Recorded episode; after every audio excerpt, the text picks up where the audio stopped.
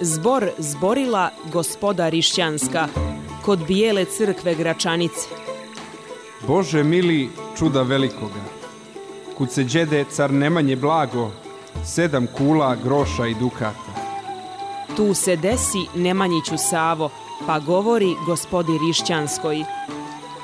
Oj Boga vam, gospodo Rišćanska, ne govorte o mom roditelju, ne govorte, ne griješte duše, Nije babo raskovao blago, već je babo potrošio blago na tri slavna srpska manastira.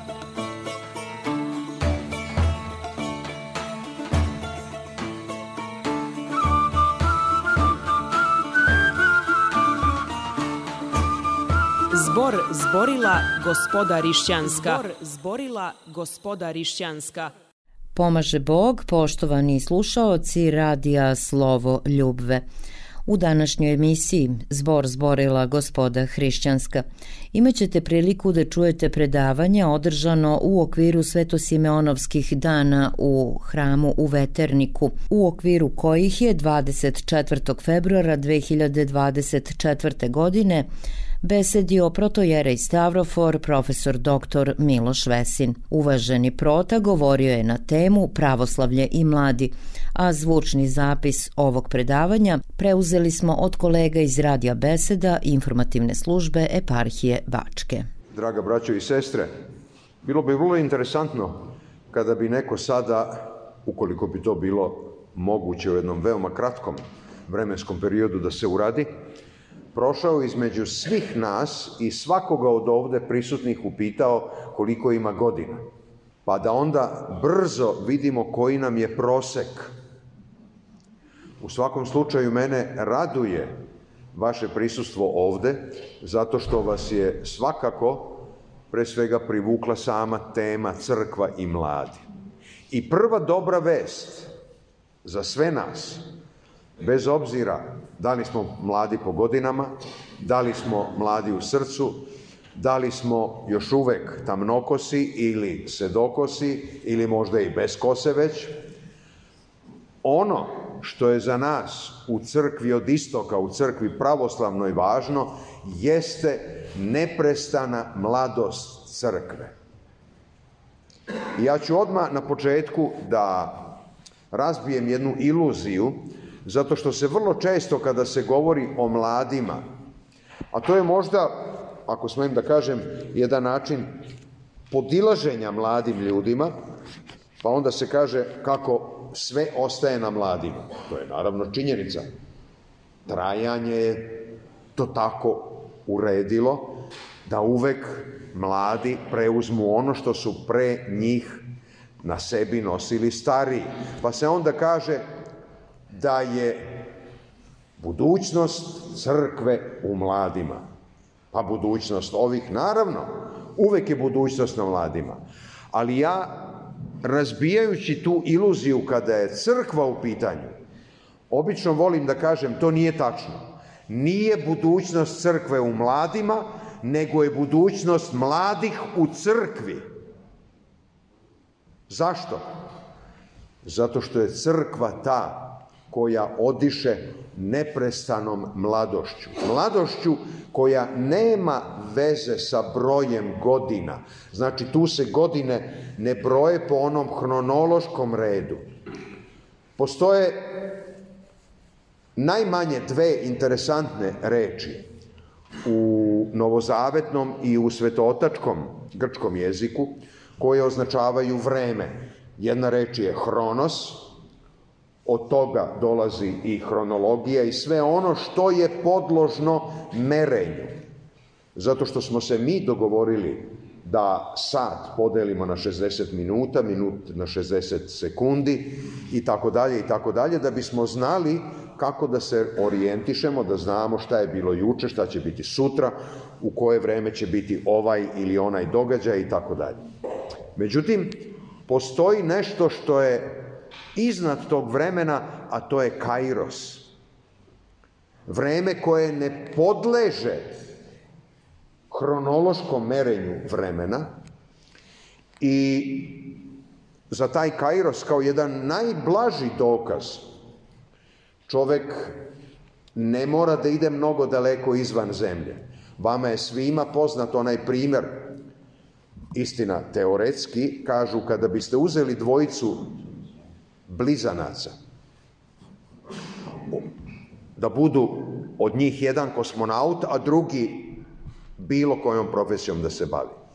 I ako biste kosmonauta u njegovoj životno, životnoj dobi od recimo 32 godine poslali na tri godine u kosmos izvan mlečnog puta, ukoliko bi to bilo moguće, a njegovog brata ostavili da živi u svom mestu i dalje da radi, kada bi se posle tri godine kosmonaut vratio nazad, on bi imao 35 godina. Dok bi njegov brat blizanac ovde na zemlji bio maltene duplo stariji od njega, imao preko 60 godina. Znači, mi čak čim izađemo izvan domena zemljine teže, malo gore, tu počinju da važe sasvim drugačija pravila, tu više nema ni levo, ni desno, ni gore, ni dole, pa samim tim i vreme podlaže jednom drugačijem načinu računjanja. A znači, pored Hronosa i Kairosa imamo i ono treće vreme i to je ono što se nas pojedinačno, svakoga od nas dotiče, a to je takozvani eshaton To je ono što će biti u nezalaznom danu, u onom osmom danu. Nije osmi dan, dan kada je gospod počinuo, ne. To je takozvani nezalazni dan kome svi idemo u susret. Mnogo je reči na stranicama božanskoga pisma i starog i novog zaveta, gde se govori o godinama, gde se govori o protoku vremena, gde se govori o mladosti. Vreme nam ne dozvoljava da napravimo čitavu jednu ekskurziju samo kroz te biblijske navode, ali evo samo nekoliko tih tekstova, na primjer iz knjige Propovednikove, gde se čuju vrlo, vrlo ovako ohrabrujuće, ali u isto vreme i opominjuće reči. Raduj se mladiću za mladosti svoje i neka se veseli srce tvoje dok si mlad, Hodi kuda te srce tvoje vodi i kuda oči tvoje gledaju, ali znaj da će te za sve to Bog izvesti na sud. Znači, hodi kuda te srce vodi, ali znaj da će te za sve to Bog izvesti na sud. I zbog toga, da bi se razrešila ta večita dilema, kojim putem krenuti, da li putem srca ili putem uma, U pravoslavnoj duhovnosti je oduvek jedan od najvećih blagoslova bio onaj blagoslov, blagoslov otaca kada se kaže blago tebi ako ti um u srcu počiva. Znači, potpuna jednakost uma i srca. Ne ono da um hoće jedno, srce želi drugo, nego da to bude zapravo harmonično dejstvo između uma i srca. Da ne ulazimo sada u detalje o tome koliko se danas na polju i savremene neuropsihijatrije, posebno biohemijskog usmerenja, koliko se um sve više poistovećuje sa mozgom. Pa otuda imamo, neka mi bude dozvoljeno i to da kažem, jednu nemalu zbrku o tome šta su duhovne, šta su duševne, a šta su mentalne bolesti, a sa druge strane šta su neurološki poremećaj. Vrlo često to se stavlja sve u jedan koš, zahvaljujući jednoj ideološkoj matrici koja jednostavno čitavu oblast ljudskog duha i duše posmatra kao proizvod hemijskih dešavanja u ljudskom mozgu. Mozak koliko god da je istražen, još uvek, još uvek u oblasti medicine spada u najnepoznatiji deo ljudskog bića. Ljudi su se bavili i bave još uvek i srcem, i bubrezima, i plućima, i svim što u nama postoji, i mozgom, ali koliko god da se otkrije poznatog o mozgu, polje nepoznatog samim tim biva sve veće, sve šire i sve dublje. Tako da onda ne treba da nas čude Rezultati mnogih istraživanja naučnika sa kraja 20. veka i početka 21. veka, i to naučnika iz oblasti egzaktnih nauka, koji su zapravo došli do naučnog otkrića da je um stariji od nervnog sistema. I to je sve dokazao čuveni engleski naučnik Frank Lake svojim otkrićem 1975. godine dokazavši da je inicijalno pamćenje zapravo takozvano ćelijsko pamćenje. Sve dok se u živom, a nerođenom detetu, ja ne volim reći embrion, ne formira nervni sistem. Dete od samog početka a sam početak je u začeću, ne po rođenju, po začeću. Dete ima moć pamćenja, kako? Zato što svaka ćelija tog još uvek vrlo, vrlo primitivnog, malenog organizma ima moć pamćenja, znači takozvano ćelijsko pamćenje. Zašto to? O tome govorim. Zato što je to i tekako i tekako važno za one koji su mladi godinama i koji se spremaju Bože zdravlja i Bože milosti jednoga dana da budu roditelji.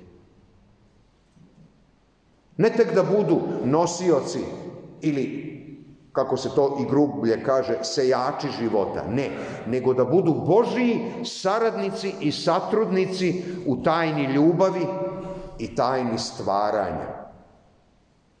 Čitamo na stranicama Svetog pisma Božije reči, evo, ja sve činim novo.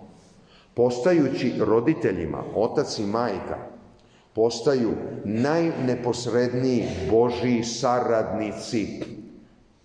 Deca se ne prave, da upotrebim i taj grub izraz koji se često čuje kod nas, deca se ne dobijaju, Deca se, ako hoćete, i ne rađaju. Deca su plod blagoslova Božijeg.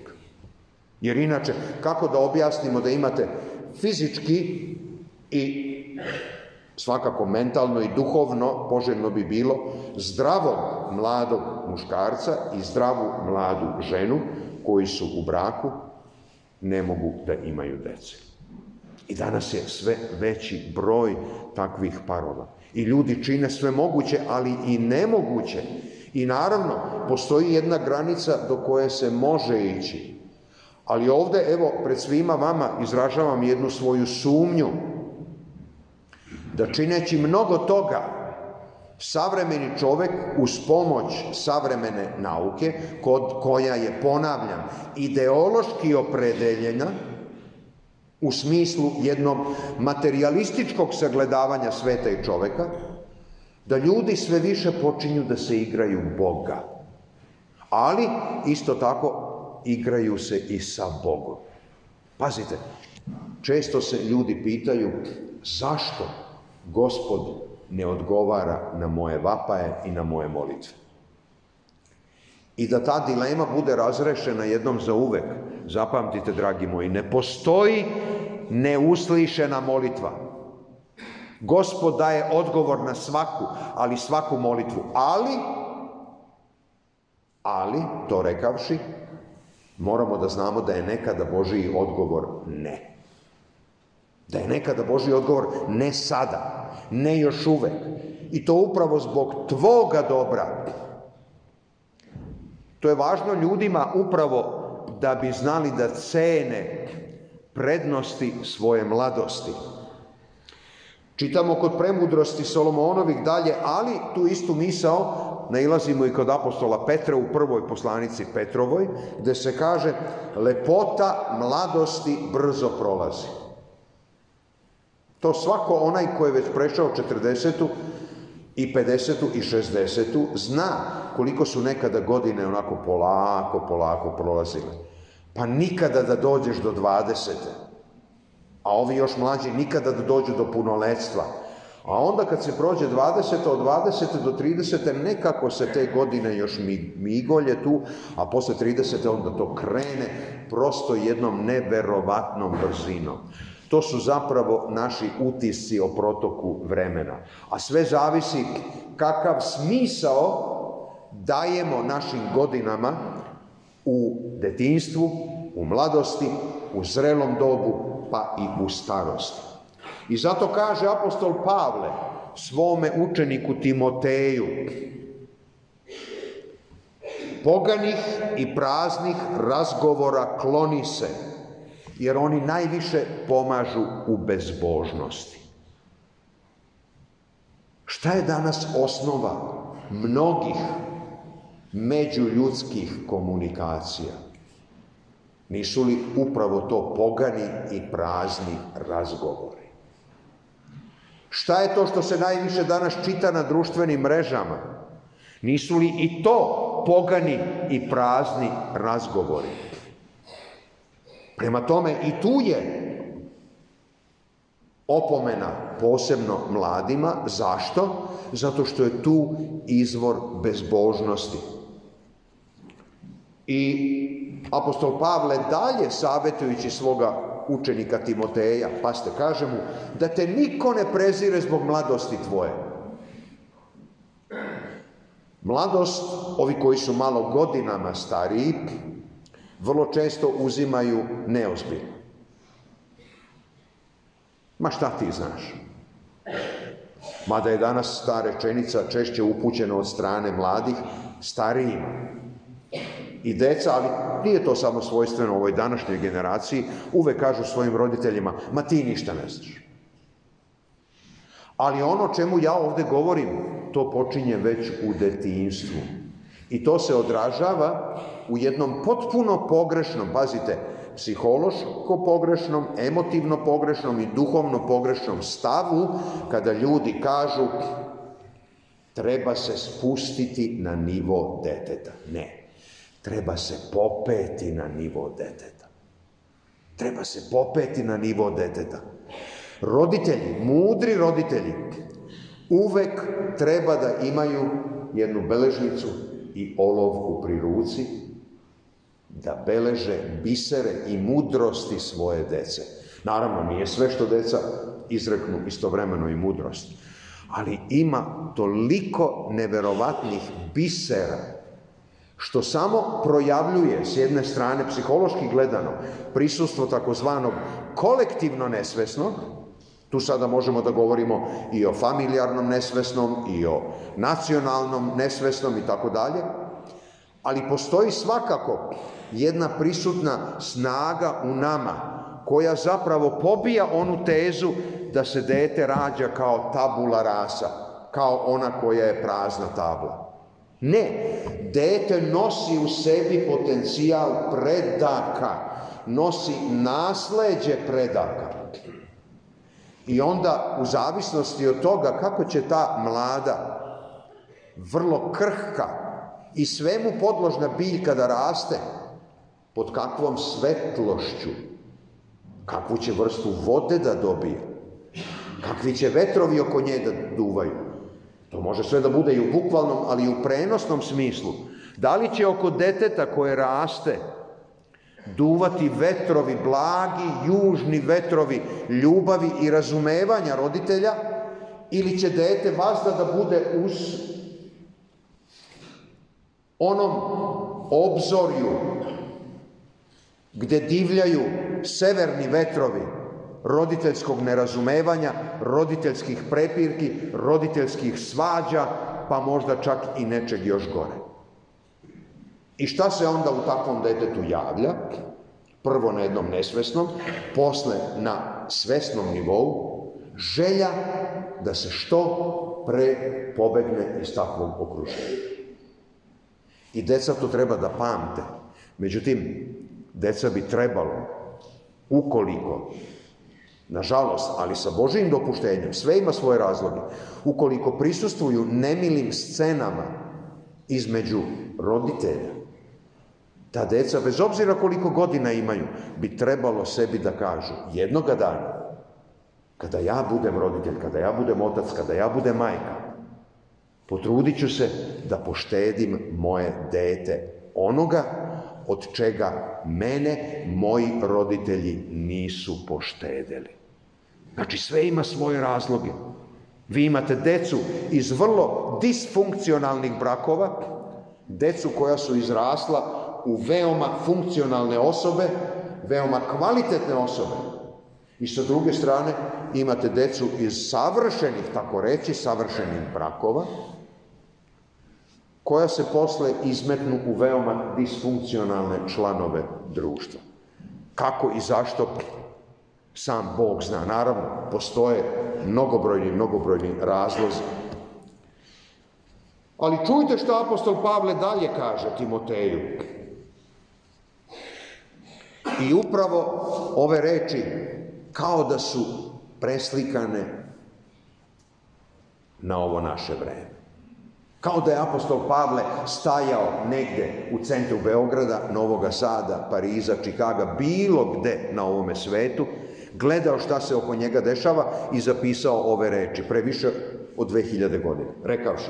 Jer će doći vreme kad zdrave nauke neće slušati, nego će po svojim željama ići i sebi učitelje tražiti kao što ih uši svrbe. Šta znači kao što ih uši svrbe? Pa da čovek sluša ono što mu prija. Naravno, uvek je nezgodno, nekad je vrlo neprijatno, da čujete ono sa čim se ne slažete, što vam je neprijatno, ali što je jako dobro za vas da čujete. A mi živimo danas u vremenu gde je svako u pravu. Pa zašto? Zato što svako pokušava da otkrije intonaciju te melodije koja prija vašim ušima. A je, volite ovo? Evo vam, izvolite. Volite ono? Evo vam, izvolite i to. I onda dolazimo do jedne emotivne, ali što je još gore, i duhovne kakofonije, jednog raznoglasja, jednog višeglasja u nerazumevanju i u prisustvu toliko otvoreno govorim, nakaradnih, nazadnih, degradirajućih, bogoboračkih ideologija koje sve imaju kao svoj prefiks reč sloboda. I sve se čini u ime slobode. Slobodan si, možeš činiti šta želiš. Sloboda je najveći Božiji dar ali svi oni koji posebno mladim generacijama stavljaju slobodu pred oči, kažu slobodni ste da radite šta želite. Svi oni prečutkuju onaj drugi deo, a taj drugi deo se zove odgovornost. Uz slobodu ide odgovornost. Svakoga dana, u svim našim hramovima, na svakom bogosluženju, se čita jedna jektenija, jedan niz molitava, na kraju tog niza se čuju reči da kraj našeg života bude hrišćanski, bez bola, dobar odgovor, dobar, i da dobar odgovor damo na strašnom Hristovom sudu molimo.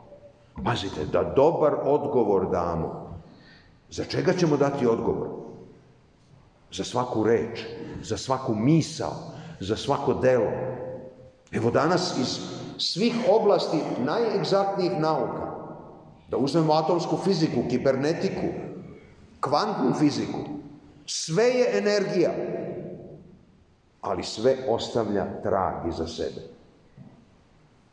Pa zar mislite da moć vaše reči, moje reči, vaše misli, njegove, njene misli, a da ne govorimo o delima, Zar i to nema svoju energiju? Zar nećemo onda odgovarati za sve ono što smo prouzrokovali u životima drugih ljudi? Čovek uopšte nije svestan na koji način, kada i kako i koliko utiče na živote ljudi oko sebe.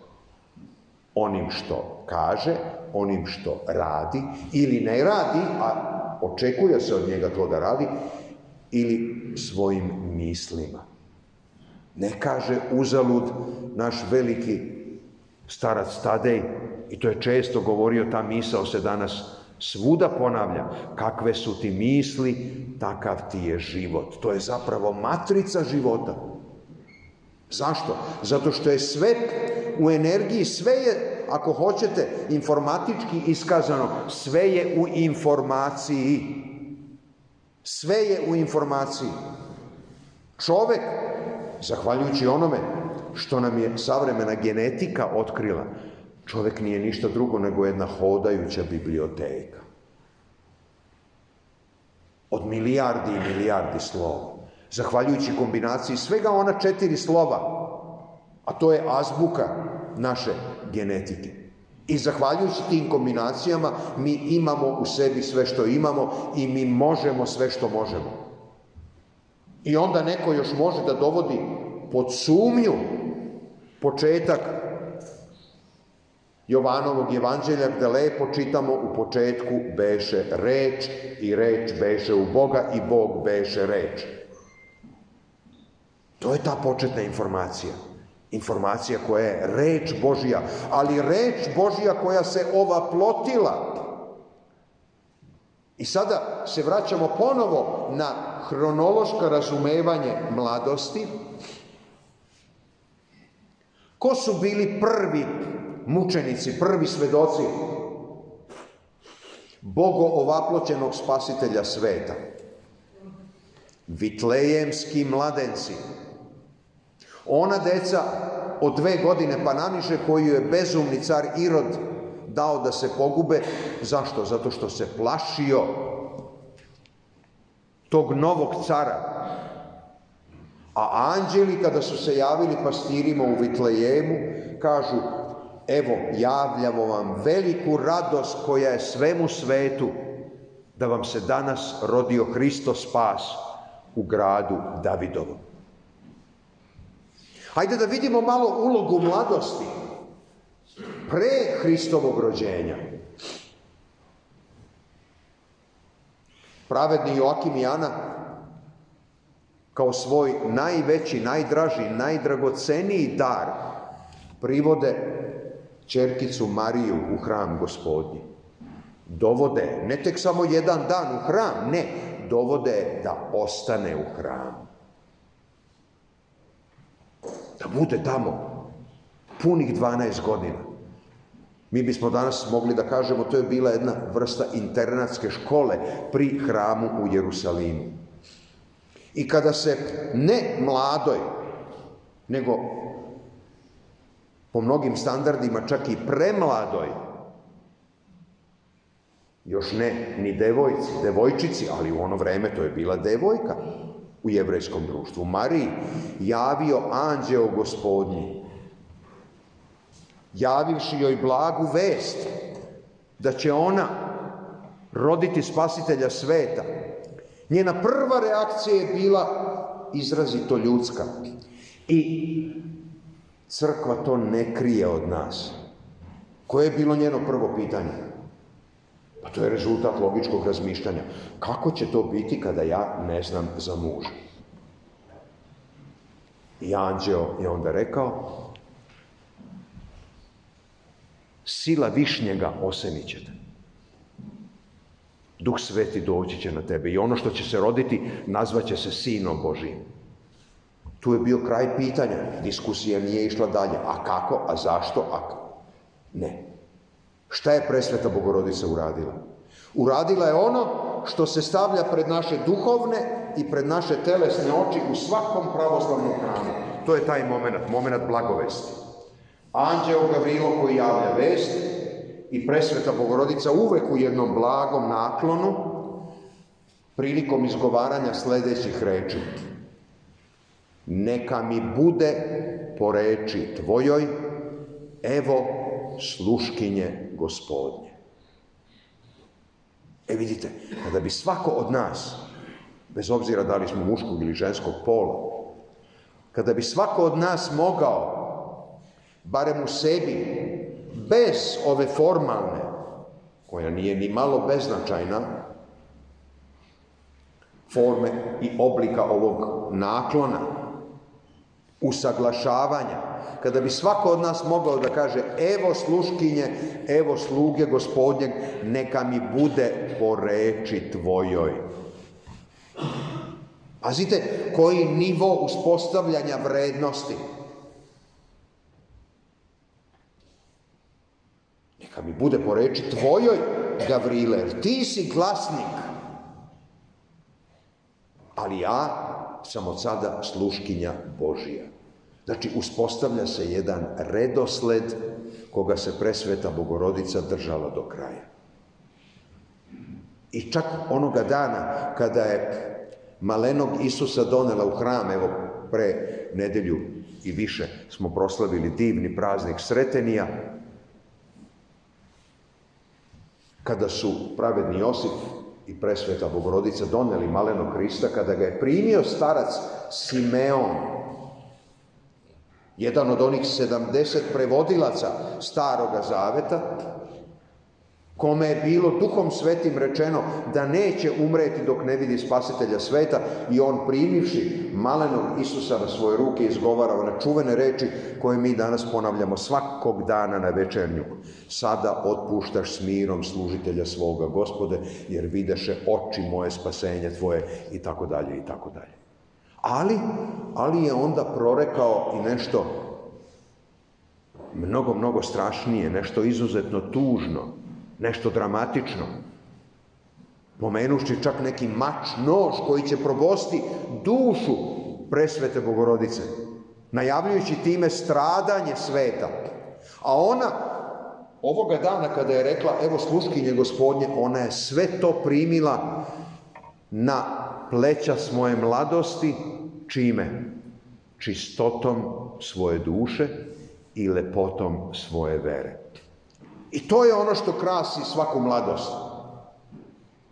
Čistota duše i lepota vere. Jer mladost želi da veruje. Ukoliko vidi uprljanu sliku onoga čemu prvo pokloni veru, ta mladost će se pokloniti bilo čemu drugom.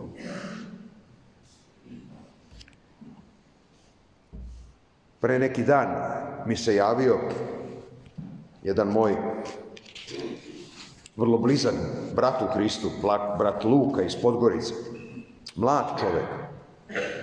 Mnogi su možda od vas videli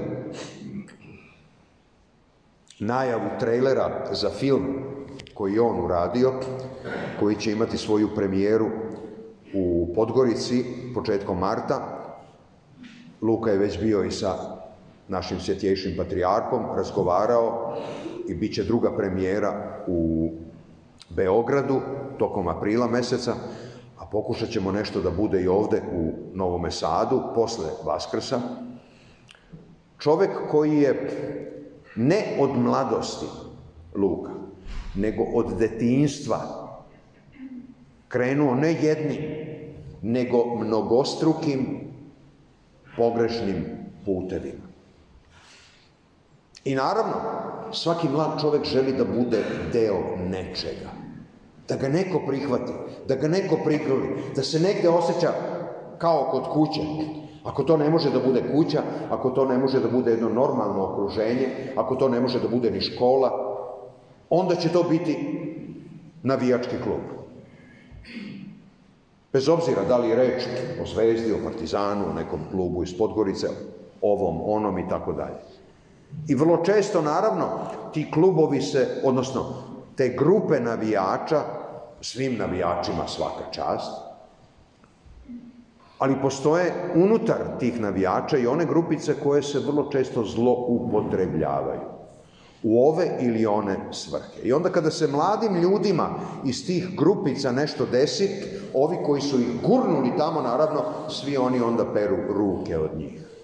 A oni su prošli i prolaze kroz sve moguće i nemoguće pošasti. I prvo onog blagog oblika banditizma, pa onda blagih i sve težih oblika narkomanije. Jer pazite, i narkomanija ima kao jedan od svojih uzroka tu želju da me neko prihvati, želju za jednim dobrim i lepim osjećajem. Pa ako ne mogu to da doživim na prirodan način, ako je sve oko mene disfunkcionalno, i porodica, i škola, i društvo, onda ću to pronaći na prvom uglu gde mi se to nudi, a ja i ne vidim šta se iza svega toga krije. I Luka koji je prošao sve moguće i nemoguće, o čemu ni vi ni ja ne možemo ni da zamislimo, obreo se posle u Kanadi. I zahvaljujući tome što je Luka je preko dva metra, je ogroman, ali čovek golubije duše, koji je radio kao izbacivač u nosnim klubovima. I malo, pomalo, malo, pomalo, shvativši kuda sve to vodi, a našta je zapravo njegova duša prizvana, on se, Bogu hvala, obreo ponovo na stazi Hristovoj. Doživevši potpuni preokret u svojoj duši. I onda je rešio da se vrati, ali ne tek samo fizički da se vrati, nego sve to što je zaradio tokom tih šest ili sedam godina koliko je boravio, a nije mnogo trošio, da sve to uloži u produkciju ovog filma, da bi mladim ljudima poput njega, kojima nema ko da kaže, njegov živi primer pokazao, hej, stani, još uvek imaš vremena, nemoj ići tim putem, kreni ovim drugim putem, evo ti moj primer. Prema tome, mladost i te kako i te kako ima nezaobilazno mesto u crkvi. Šta tek da kažemo o onim mladićima koji su bili prvi Hristovi pratioci, njegovi apostoli, Nisu li sve to bili redom, mahom mladi ljudi?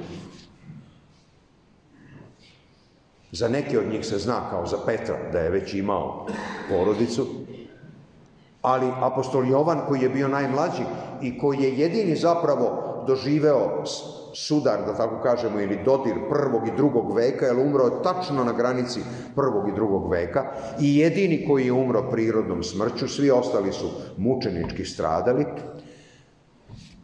poklonivši gospodu zapravo trudove svoje mladosti. I to je ono što od početka hoda kroz vreme i prostor krasi što je krasilo i krasit će crkvu. Da su ljudi, mladi ljudi, možda još potpuno, ne u nekom kognitivnom smislu, nejasno bili opredeljeni, ali emotivno, duhovno, toliko zreli i ljudi koji su osjećali u kom pravcu im valja ići. Ponavljam, nemamo vremena da zagrlimo, pa ni da pomenemo čak svaki istorijski period iz proteklih 20 vekova. Ali kada pogledate samo istoriju hrišćanskih mučenika tokom prva tri veka pa sve do dana današnjeg, Vi ćete vidjeti da je to svet mladosti svake generacije. I onda nije čudo da je krv mučenika jedne generacije bila seme novih hrišćana u idućoj generaciji. Zašto? Zato što ništa toliko ne privlači kao primer, kao živi primer. Koliko je mnogobožaca otkrilo istinitost vere Hristove, zahvaljujući snazi mučeništva. I to mučeništvo nije prestajalo i ne prestaje ni do dana današnjeg. Ni do dana današnjeg.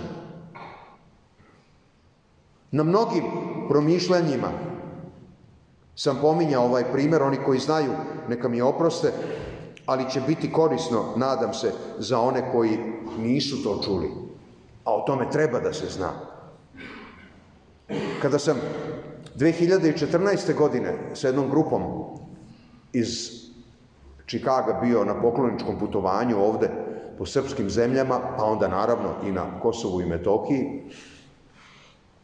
kada smo bili u Prizrenu, pre dolaska u Prizren, znao sam već da u Prizrenu postoji osnovna škola koju su holandske i švedske mirovne organizacije podigle za ono malo dece koliko ih je ostalo u Prizrenu, ne malo, u to vreme ta škola imala jednog jedinog đaka. Ali, ovi koji su sazidali tu školu, gledali su da Milica, koja je bila jedini učenik u toj školi, ima i kabinet za fiziku i za hemiju i malu fiskulturnu salu, da ima i veliki i mali odmor, nastavnici, učitelji su se menjali, ona je bila jedan jedini đak. To je odmah u porti crkve Svetog Đorđa u Prizrenu i kada smo posle obilaska crkve hteli da vidimo školu, baš je bio veliki odmor. I Milica, koja je tada bila četvrti ili peti razred osnovne škole, kao i svako dete na velikom odmoru, stajala je negde u dvorištu, naslonivši se na jedan zid i grickala svoj sendvič. Ja sam je prišao, čula je ona da je tu neka grupa iz daleka, neko pomaže Bog, Milice, Bog pomogao. Kako si? Pa evo, koristim ovaj odmor, da pojedem ovaj sendvič, pa nastavljam dalje. Reko, Milice, ajde kaži mi, molim te, koji je bio osnovni motiv Koji je bio najgla, najjači glas u tebi koji ti je rekao, Milice, ostani ovde, ostani u Prizrenu, ne idi nikuda. Svi tvoji drug, drugovi drugarice su otišli u Beogradu, Novi Sadu, Kraljevo, Čačak, Kragujevac, otišli na sigurno. I sad pazite, ona jedno jedino srpsko dete u čitavom gradu Prizrenu i još osam odraslih ljudi srpske nacionalnosti. Jedno jedino dete. Ona kao da je to nešto najnormalnije, samo ovako preko naočara me pogledala, nastavila i dalje da gricka onaj njen sendvič i rekla pa kažete vi meni da sam ja otišla, ko bi ovde recitovao za Svetog Savu? Da li vi i ja imamo tu snagu odvažnosti, da li imamo tu snagu istrajnosti, da li imamo tu zavetnu svest Da od svakoga od nas pojedinačno mnogo toga zavisi. Ne, nemamo. Mi ćemo otići na miting gdje nas ima 10-15 hiljada, otići na stadion Zvezde ili Partizana gdje ima 30, 50, 60 hiljada i tamo vikati Kosovo je Srbija. Zaboravite. Zaboravite to. Pamtite milicu i njen razlog ko će recitovati ovde za svetoga Savu ako ja odem? I to je bio najdragoceniji dar koji smo mi primili. Ja kada sam to preveo mojim saputnicima, jer to su Srbi, potomci onih koji su krajem 19. veka otišli u Čikago. Naša parohija je jedna od najstarijih parohija, tipično starosedelačka, gde su ljudi mojih godina, čiji su se dedovi rodili u Americi. Prošle su godine, dolaze godine korone, dvade, leto 20. 21. 22. I ja ponovo dovodim grupe, istina, mnogo manje, ali ciljano samo idemo na Kosovo i Metohiju. I svi oko nas, počeši od moje porodice, svi su govorili, to nije pametno, to nije mudro, to nije bezbedno. Rekao, znam da nije ni pametno, nije ni mudro, nije ni bezbedno, ali je potrebno. Nama je potrebno. Mnogo više nego njima. Mi treba da odemo tamo da prikupimo još malo snage, e da bi istrajali. I onda sam služio u Velikoj Hoči na Parastosu koji se svakog jula tamo služi žrtvama iz Orahovca i Velike Hoče. Bilo je nas šestorica sveštenika i onda su mene kao gosta zamolili da nešto kažem. Pa sam pokušao nešto i da prozborim. I kada se sve to završilo, prišla mi jedna devojka i poznao sam je samo po pogledu preko naučana. Kaže, oče, da li me poznajete? Milice! Kaže, da, ja sam. To je prošlo, znači, od, to je bilo 2022. pre dve godine. Poslednji put, znači, ono je bilo 14. osam godina. Ona je onda bila peti razred, čini mi se, ili četvrti, znači završila osnovnu, završila je srednju školu, ona se ta, tad je završila srednju školu i spremala se te jeseni da se upiše na fakultet u Kosovskoj Mitrovici, naravno. Pa rekao, jesi ti ovde? A kaže, gde ću drugde da budem, oče moj, nego ovde na mom Kosovu. E vidite, kada vam to neko uz osmeh kaže, pa gde ću drugde da budem? Onda su svi naši strahovi toliko mali, toliko sitni, toliko beznačajni. I onda nas mladost jedne milice, detinjstvo jedne milice, uči i mnogo čemu podučava. Na početku rekao da je naša uteha u tome da mi dišemo neprekidnom mladošću crkve koja je postojala i pre ove tehnologije i ljudi su mogli da čuju i mnogo dalje i mnogo bolje.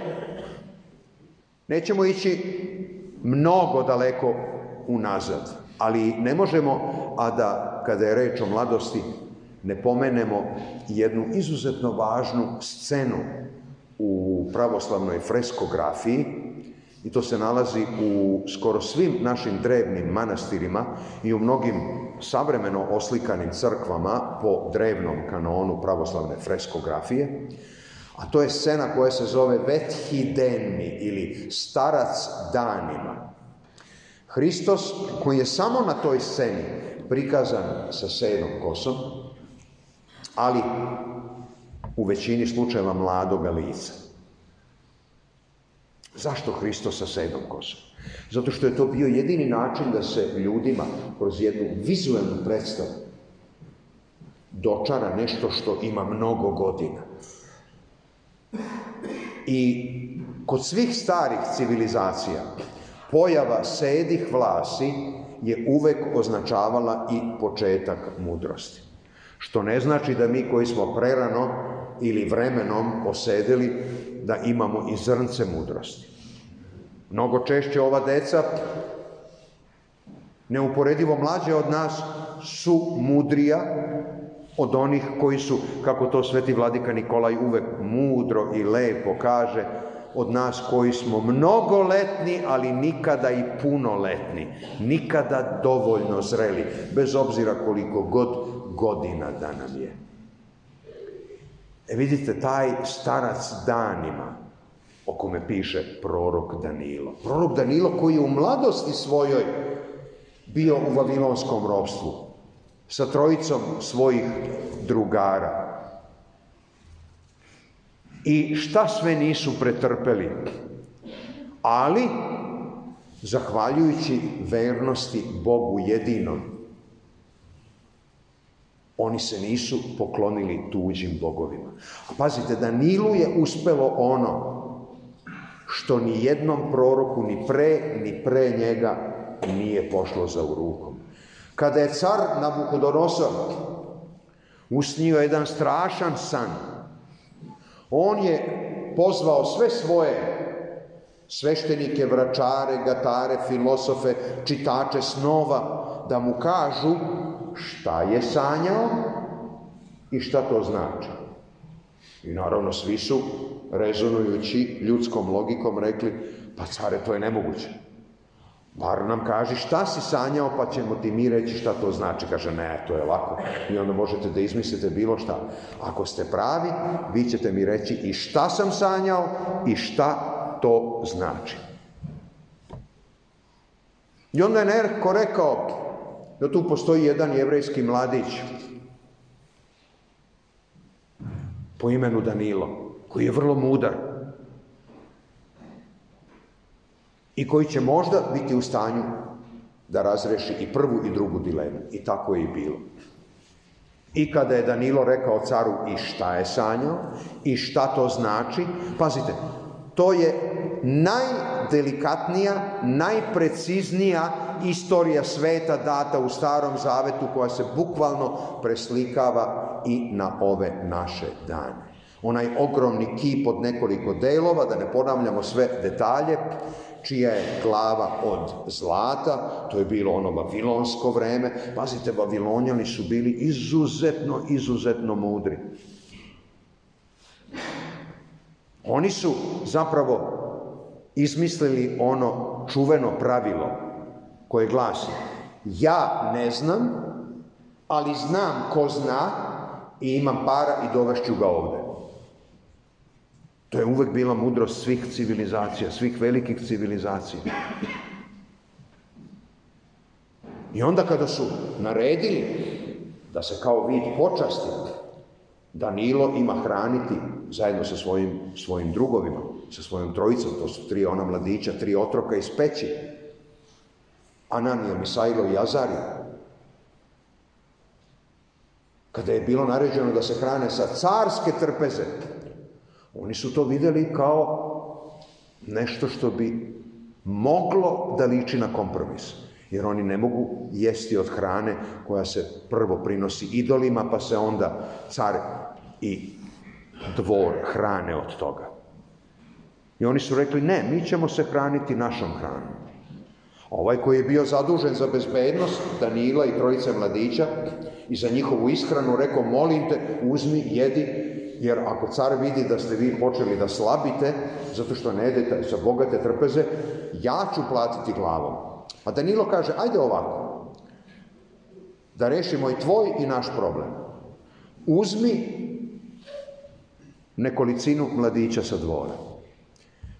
Deset dana, neka oni jedu sve što se nađe na carskoj trpezi. A mi, mi ćemo jesti ono što nam naš Bog zapoveda. I onda su se sa, hranili čime? Hranili su se semenjem. To je jako važno za sve nas koji slavimo svoju krsnu slavu. A ne verujem da ima bilo koga ovde koji ne slavi na ovaj ili onaj način, ne obeležava krsno ime.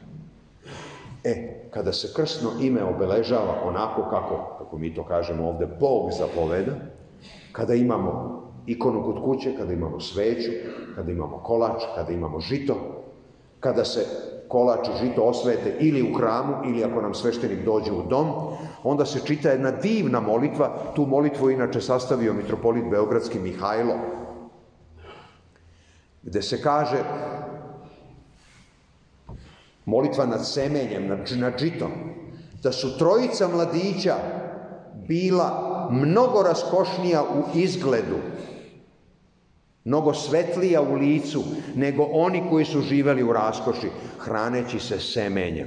Zato i ti, gospode, blagoslovi ovo semenje i blagoslovi ono, one koji prineše ovo tebi u slavu, a u čast, evo recimo, svetog Simeona Mirotočivog, to je slava ovoga hrama u ponedelja, kako Bog da, i u pomen onih koji preminuše u blagočestivoj veri.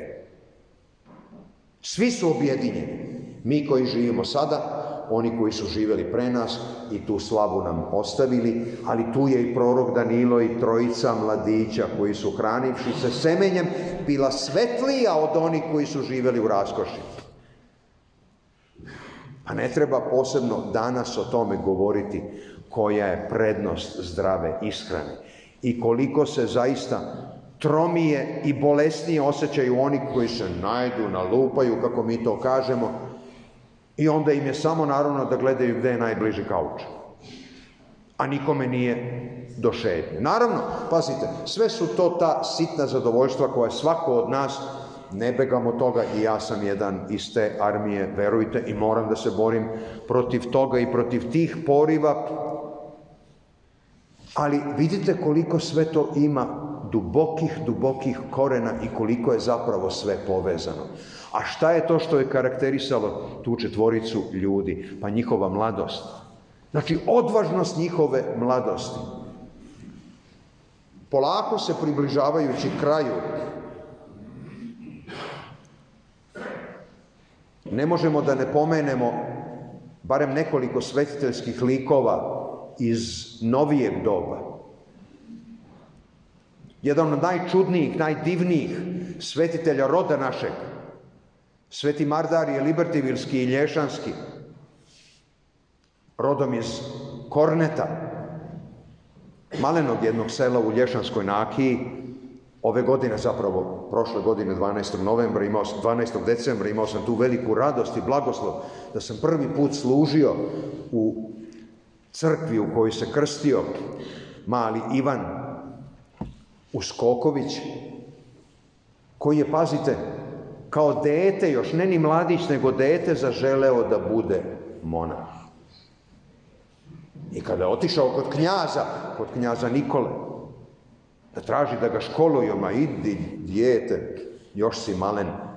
Pa on onda sa 15 godina, pazite, dolazi u Beograd i pešice ide do studenice. Pešice ide do studenice. Pa kada su videli snagu njegove upornosti, Zamonašili su ga, ne odmah. I posle, sinod naše crkve donosi mudru odluku i šalju ga u Rusiju gde je proveo 12 godina na školovanju. 12 godina. Bio je nešto stariji od svojih vršnjaka, pa kada su mu rekli, videvši njegovu mudrost i koliko je on već naučio u studenici, Pa su mu rekli, ne, vi ćete odmah biti treći ili četvrti razred. On je rekao, ne, ja hoću da krenem od prvog razreda. Pa je završio redovno bogosloviju, završio posle duhovnu akademiju, došao u jedan sukob sa Raspućinom, zato što je imao veliki, veliki uticaj na carsku porodicu, bio najomiljeniji govornik i predavač u čitavoj Rusiji i oni s jedne strane da bi ga kao nagradili, a s druge strane da bi ga kaznili, pošalju ga u najudaljeniju bogosloviju da bude profesor bogoslovije u Kazahstanu. Evo ti nešto drži, evo ti ništa drži čvrsto. I sad čudo Božije, on koji je tako mlad, još u Rusiji kao srednjoškolac i kao student napisao svoje prve tri knjige. Prva knjiga nosi jedan čudesan naziv, Tihi kutak Hristov tihi kutak Hristov. Jer on je uvek polazio iz tog tihog Hristovog kutka. To tihovanje u Hristu mu je davalo snagu i pobeđivalo nemoć njegove mladosti. I onda ga sabor kazahstanskih kozaka bira 1917. godine na razmeđi pre revolucije, da on bude predstavnik čitavog Kazahstana na Sveruskom saboru na kome je izabran ponovo patrijar, patrijan mučenik Tihon Belavin. I videvši da će on biti jedna od prvih žrtava komunizma, mudri arhereji koji su jako voleli tog divnog, rečitog i leporekog i lepolikog crnogorca iz Crne Gore, Srbina iz Crne Gore, Oni da bi ga spasli, oni ga šalju u Ameriku da osnuje misiju za Srbe, ali u okrilju Ruske pravoslavne crkve. I sad on, mudar kako je bio, razmišlja u svu zahvalnost i ljubav koju je imao prema Rusiji, 12 godina školovanja nije malo,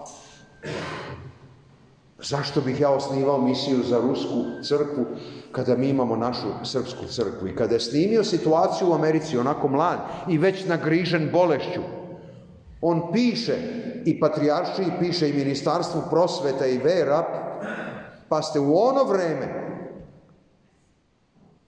znači to su prve decenije 20. veka, on je prvi put došao u Ameriku 1917. godine, da Srbija Kraljevina Srbija da finansira jednog misionara koji će ići od istoka do zapada. Jer to je onda bilo samo jedno crkveno područje, ono gde danas imamo četiri eparhije, tri u Americi i jednu u Kanadi. I on, zahvaljujući mudrosti, dalekovidosti i snazi vizije svetog vladike Nikolaja, on biva izabran za prvog episkopa amerikansko-kanadskog. Nije dočekao ni 50 godina umro. Sve trudove svoje mladosti je dao crkvi i poklonio svome narodu, trudeći se da vas postavi ono čega je izgleda po Božijem promislu, a ne znamo zašto, uvek bilo najviše među nama, a to je nesloga. Pokušavajući da urazumi, da opameti, ako ikako moguće, svoje sunarodnike, i da ih ubedi u to da je za njihovo dobro osnivanje eparhije za celu Ameriku i Kanadu. Šta tek da govorimo o jednom drugom svetiteljskom liku, našem savremeniku, tako reći, mnogi od onih koje mi poznajemo i koji nas danas duhovno vode, naš preosvećeni episkopački doktor Irinej, među prvima, su ga poznavali i bili plod njegove duhovnosti. Sveti starac Porfirije Kapsokalivit. Koji je svoju svetost granao, kao ona mlada stabljika koja krene pa da širi svoje grane od mladosti svoje. Ugledajući se time na bezbrojne svete likove o kojima čitamo ili bi trebalo da čitamo u žitijama svetih ili u Ohridskom prologu. Kamo sreće da svaki naš mlad čovek, da svaka naša mlada porodica, umesto što se truje mentalno, duhovno, emotivno, gledajući koje kakve gluposti, budalaštine i praznoslovlja, koje nam dolaze iz raznih kutija, bez obzira da li je ime kutiji televizor ili kompjuter ili tablet ili mobilni telefon, sve je to kutija i onda i mi na kraju postajemo nalik kutiji i postajemo sve više kutijasti, jer bez kutija ne možemo da živimo, samo nam je sve smešteno i sebe smo smestili u te kutije, pa sve veći broj ljudi kad ih pitate za broj telefona, sve veći broj ljudi ne zna svoj broj telefona. Zašto? Pa zato što redko ko sebe poziva. Možda bi trebalo malo češće sebe da pozivamo, ali ne na broj telefona, nego na broj savesti. Pa da vidimo šta tamo piše. E vidite, kada bi se u svakoj našoj kući svako veče čitalo ono što nam je sveti vladika Nikolaj ostavio kao svoje vrsno zaveštanje, a to je sjajan sadržaj njegovog okritskog prologa za svaki dan u godini. Nije vam potrebno više od 5 do 7 minuta za svaki dan. Kratko žitije tog svetog ili nekoliko svetih čiji uspomenu proslavljamo toga dana. Rasuđivanje, sozercanje, kratka jedna beseda i jedna divna duhovna pesma koja je uvek u vezi sa svetiteljima koje toga dana proslavljamo. Od 5 do 7 minuta. Koliko minuta, 55 i 77 i više, mi bacimo tokom dana. Zaboravljajući pritom, roditelji slušajte, zaboravljajući pritom da samo 6 sati izloženosti kompjuterskim programima menja neuropasticitet mozga. Menja način kako se sadržaji urezuju u naš mozak. Sve je informacija. I u zavisnosti od toga kakvom ću informacijom sebe da napunim pred odlazak u san, od toga zavisi kvalitet moga sna. Zašto toliko ljudi danas ima vre, problema sa zaspivanjem? I starih, i mladih, i sve mlađih. Pa zato što redko ko ide na spavanje na prirodan i normalan način. Jako mali broj ljudi se zaista iskreno pomoli. Pa i ako ste umorni, zna Bog koliko ste umorni.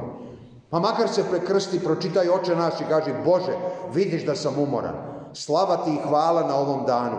Pa i to će Bog primiti kao vašu molitvu. A ne onda jednoga dana u naletu nekog ogromnog pravoslavnog strujanja vi uzmete i čitate tri sata žitija svetih i četiri sata sveto pismo, pa onda sedam meseci ništa. Zašto? Zato što smo svi izloženi emotivnoj i ponavljam i intelektualnoj i duhovnoj kontaminiranosti. Nije samo vazduh zagađen oko nas, dragi moji. Emotivna strujanja su zagađena i ovo je jedino mesto gde se spašavamo. Ne zove se uzalud ovaj središnji deo svakog hrama, bez obzira na stil gradnje, postoje različiti stilovi, ali srednji deo u svim stilovima se naziva brod, lađa, lađa crkva.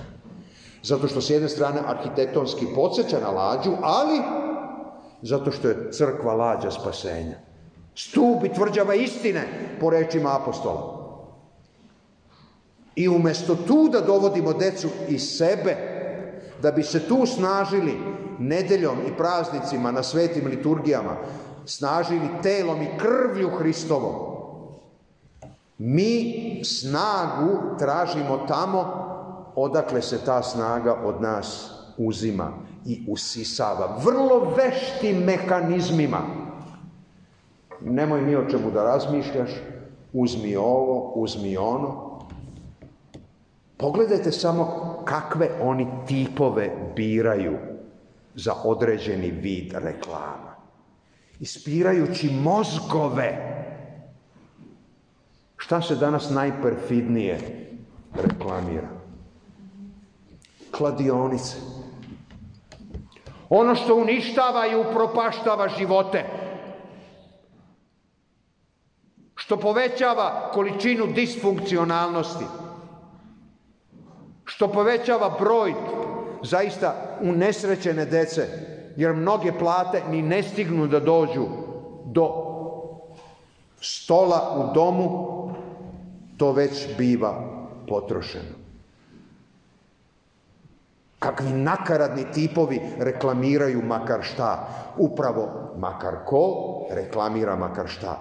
Neka je čas svima njima, svako je Božiji stvor. Ali koliko je danas sve na prodaju?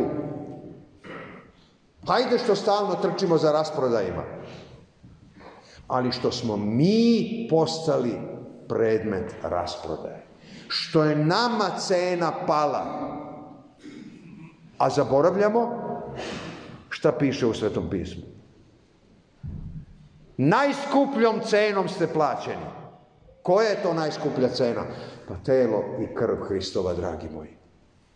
Generacije i generacije dece i mladih ljudi.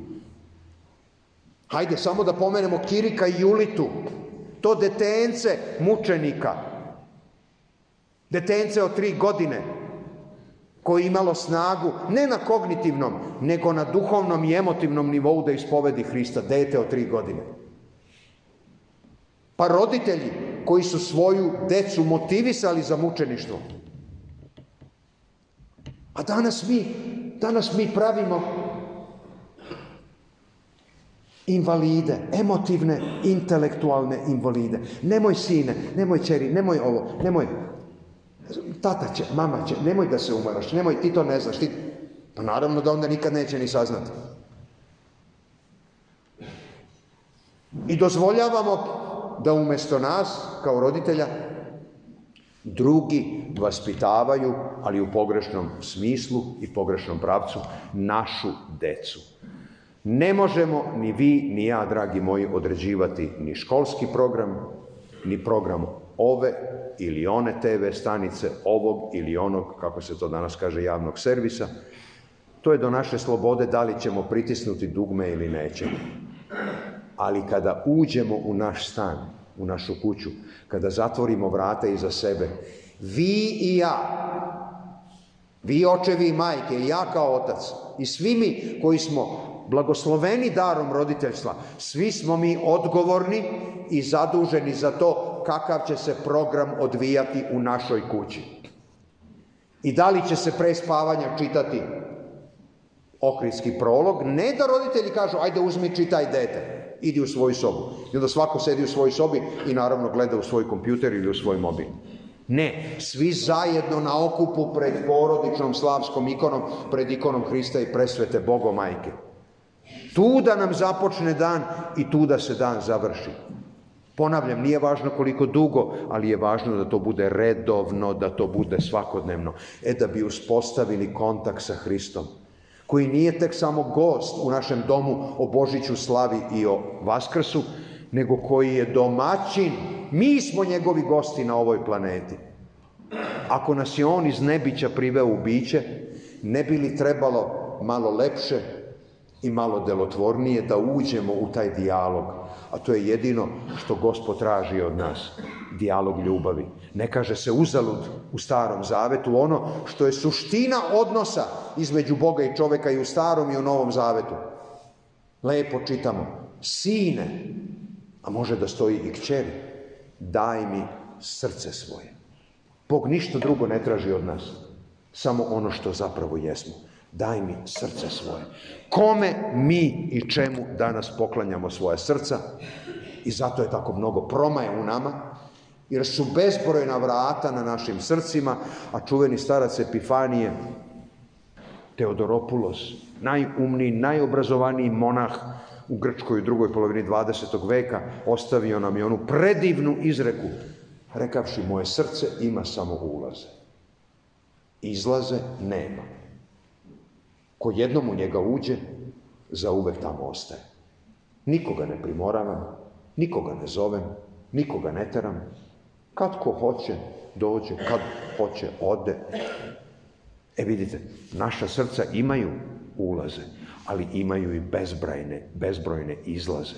I otuda ta emotivna promaja, pa ljude lako primamo u svoj život, ali ih još lakše teramo iz svog života, kao da nikada nisu ni postojali. I na samome kraju, jedan primer, nešto o čemu neprestano razmišljam, od kada mi se to desilo, a bilo je to u novembru mesecu prošle godine, u Beranama, u Crnoj Gori.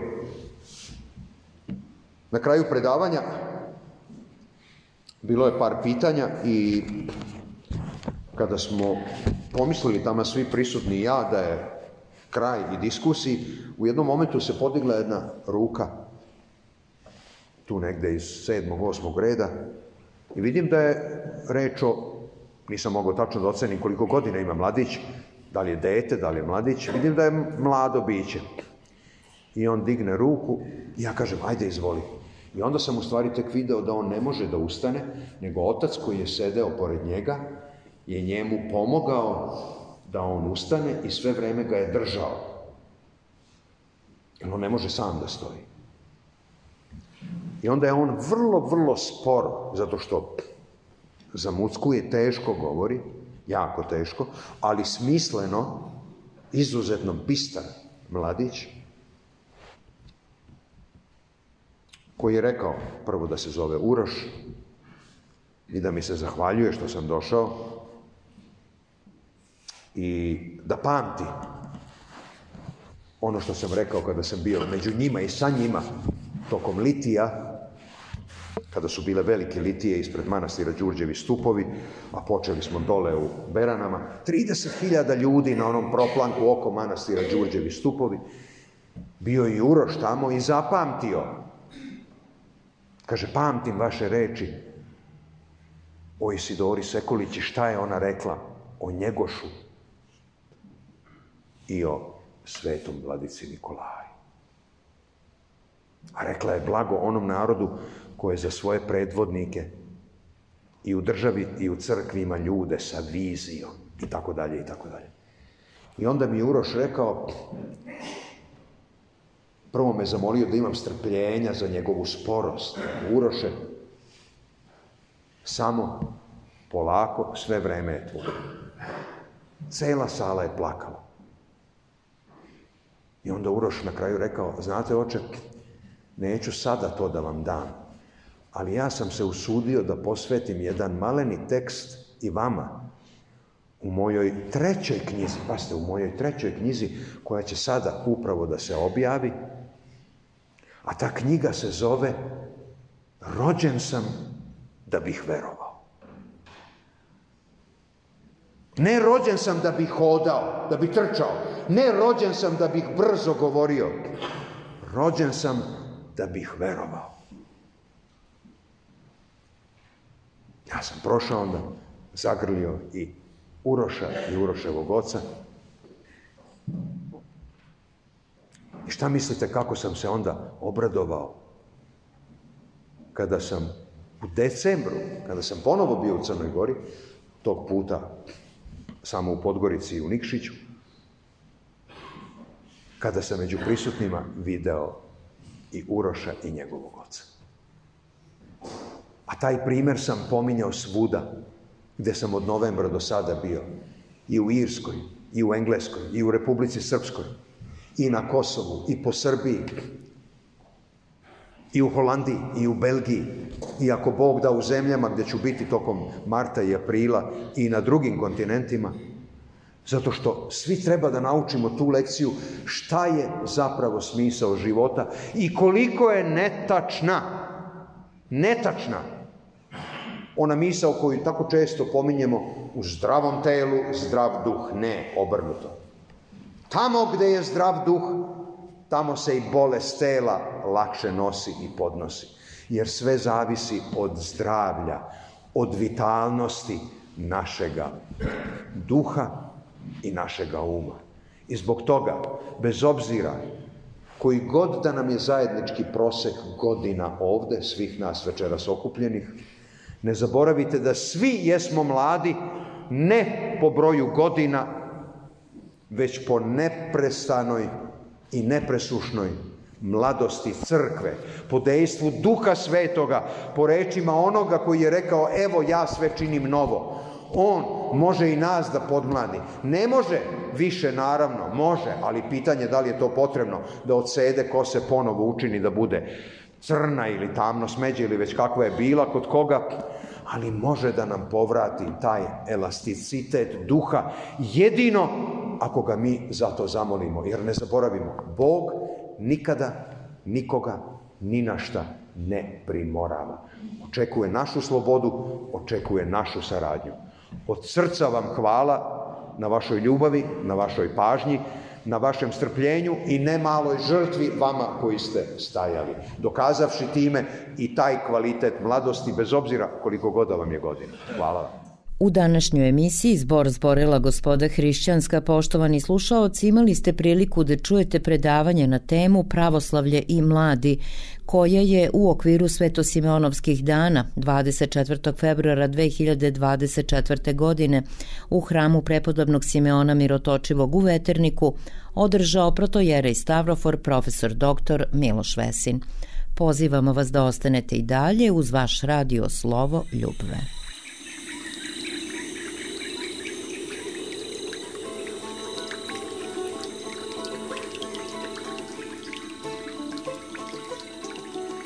U glas viknu gospoda Rišćanska. Prosto da si Nemanjiću Savo, prosta duša tvojih roditelja, prosta duša čestito tijelo, što nosili svijetlo vam bilo, što rodili sve vam sveto bilo.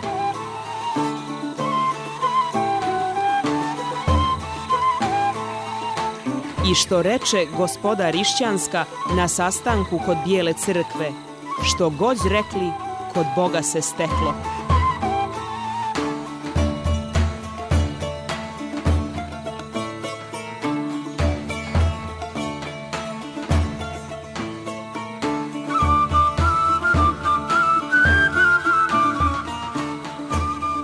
Zbor zborila gospoda Rišćanska. Zbor zborila gospoda Rišćanska.